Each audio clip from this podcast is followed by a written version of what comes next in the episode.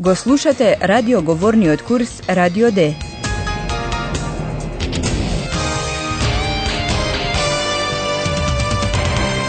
Заеднички проект на Гете институтот и Радио Дојче Веле. Авторка е Херат Мезе.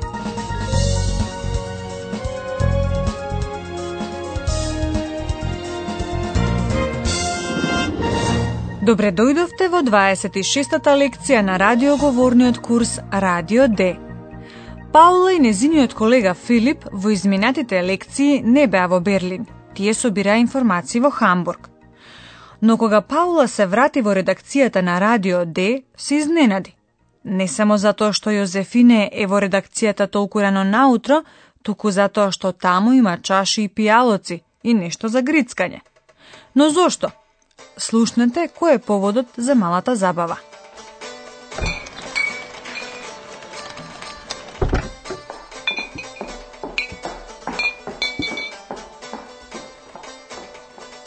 Hallo, guten Morgen.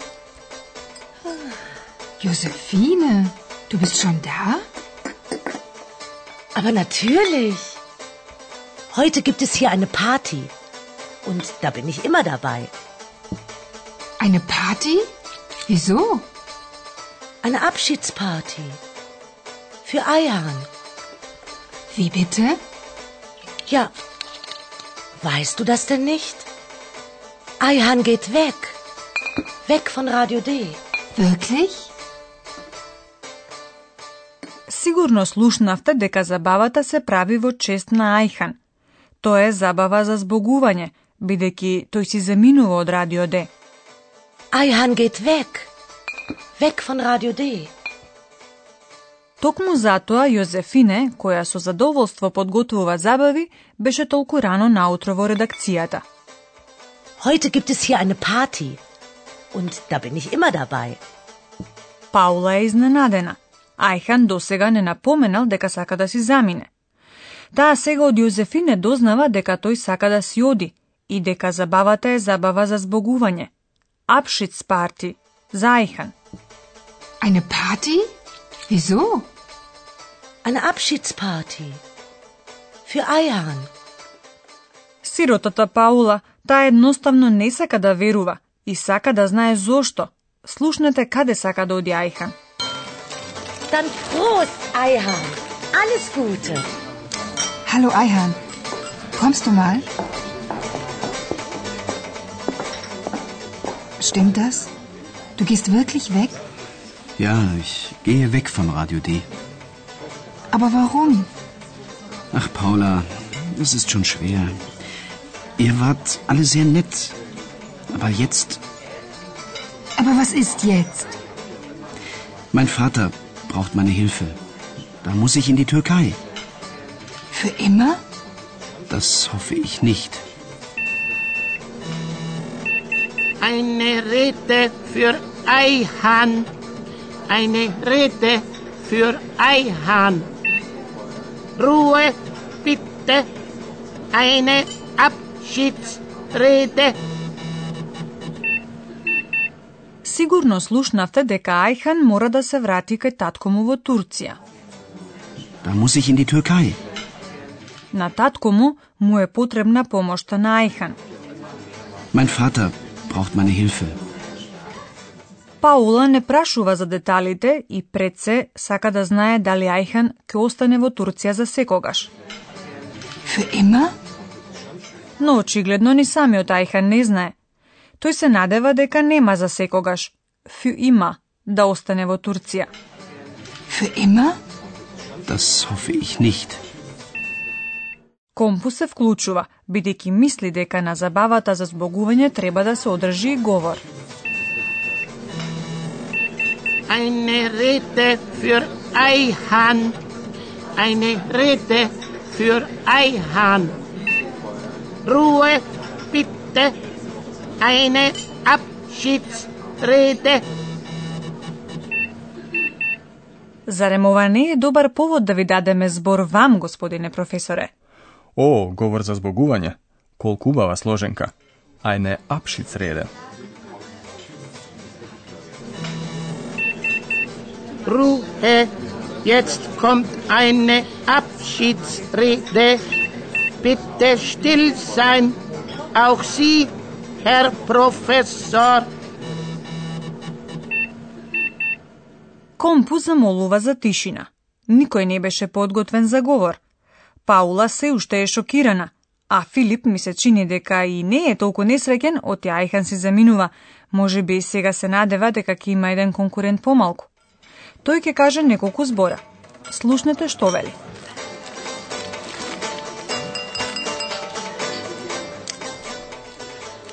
Ja, lieber Eihahn, ich will eigentlich gar keine Rede halten. Ich will nur ein paar Worte zum Abschied sagen. Es war sehr schön mit dir hier bei Radio D. Danke. Nun musst du ja leider in die Türkei. Aber jetzt feiern wir erst mal. Alles Gute. Alles Gute. Auch für deinen Vater. Alles Gute. Prost. Филип нагласува дека всушност не сака да држи говор. Ich will eigentlich gar keine Rede halten. Тој само сака да каже неколку збора за збогување. Ich will nur ein paar Worte zum Abschied sagen. Тој вели дека времето минато со Ајхан во радио Д било многу убаво. Но ќе оставиме отворено дали изјавата беше сосема искрена или само учтива. Es war sehr schön mit dir hier bei Radio D. Danke. Но сега тие слават и му посакуваат се најдобро на Ајхан, исто и на татко му. Aber jetzt feiern wir erst mal. Alles Gute. Alles Gute. Auch für deinen Vater. Alles Gute. Prost. Драги слушатели, може би веќе нешто ви недостасува или пак мислите дека такво нешто во Германија не е вообичаено. Но добрата Јозефине, која ја подготви забавата, мислеше и на тоа. На подарок за збогум. Ja, lieber Eihahn, wir haben noch ein Abschiedsgeschenk für dich. Zur Erinnerung.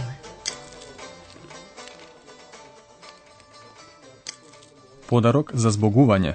Апшицкешенк. Уште една прекрасна сложенка. Kompositum, Kompositum. Das kennen unsere Hörerinnen und Hörer noch nicht. Bitte still sein. Auch Sie, Herr Professor. Компу повтор пат го замолува професорот за тишина. Јозефине му го дава подарокот на Ајхан. Представете си ја ситуацијата и погодете каков подарок одбрала Јозефине. Ja, also ein Abschiedsgeschenk. Eine in der Redaktion liebst du ja sehr. Und deshalb bekommst du... Los, auspacken! Pack doch mal aus!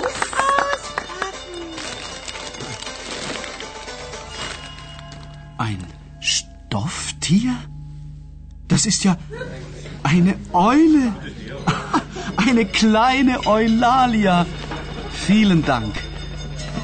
Wie bitte? Ich? Als Stofftier? Ich bin ich. Ich bin Eulalia. Du bist und bleibst Eulalia. Dann brauchst du auch kein Stofftier.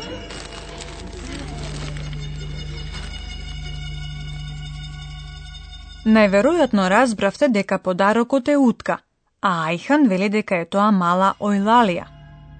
Das ist ja eine Eule. Eine kleine Eulalia. Сигурно помисливте оти станува збор за жива утка. Не, Јозефине одбра кадифена утка. Штофтија. Ein Stofftier? Јозефине очигледно забележала дека Ајхан многу ја сака Ојлалија. Eine in der Redaktion liebst du ja sehr.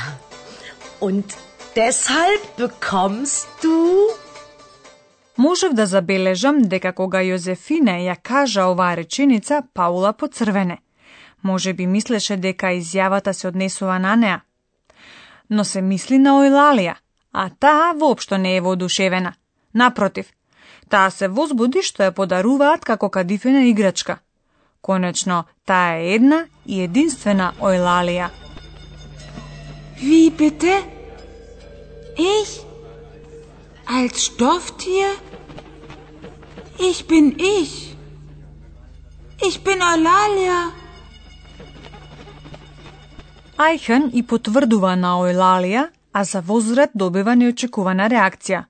Ако е така, тогаш не му треба играчката утка. Du bist und bleibst Eulalia. Dann brauchst du auch kein Stofftier. Ein Stofftier. Тоа е сложенка кадифена играчка. Stofftier. Да, да, нашиот господин професор, подарокот не го гледа од психолошки, туку од јазичен аспект. Компу уште еднаш му укажува на професорот дека сега нема време да зборува за јазикот, но на добродушниот Ајхан му е жал за професорот. Ајхан му подарува нешто. Слушнете што е тоа. Професор, wir feiern eine Party. Jetzt ist keine Zeit für ein Gespräch über Sprache. Professor, ich habe auch ein Abschiedsgeschenk für Sie. Ich schenke Ihnen mein Kompositum. Es ist ein Abschiedslied. Nur für Sie. ikrimden geceler yata bu fikri başımdan ata neyleyim ki sana çata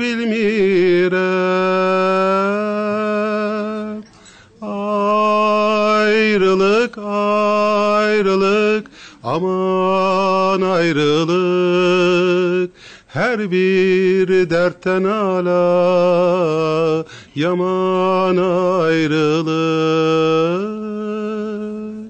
ayrılık ayrılık aman ayrılık her bir dertten ala yaman ayrılık. Благодарам, Ајхан, благодарам. Многу љубезно од тебе. Да, и јас мислам дека ова е љубезно. Ајхен му подари на професорот, кој овој пат со задоволство ке зборуваше за сложенките, една посебна сложенка. Ein Abschiedslied, песна за збогување.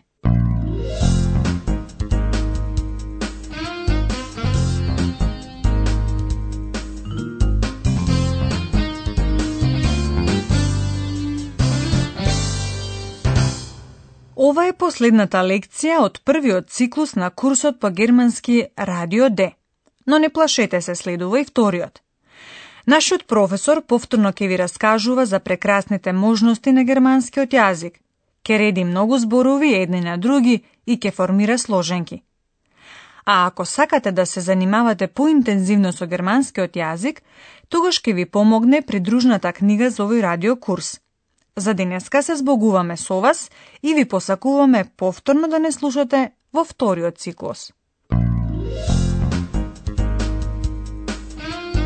Bis zum nächsten Mal, liebe Hörerinnen und Hörer.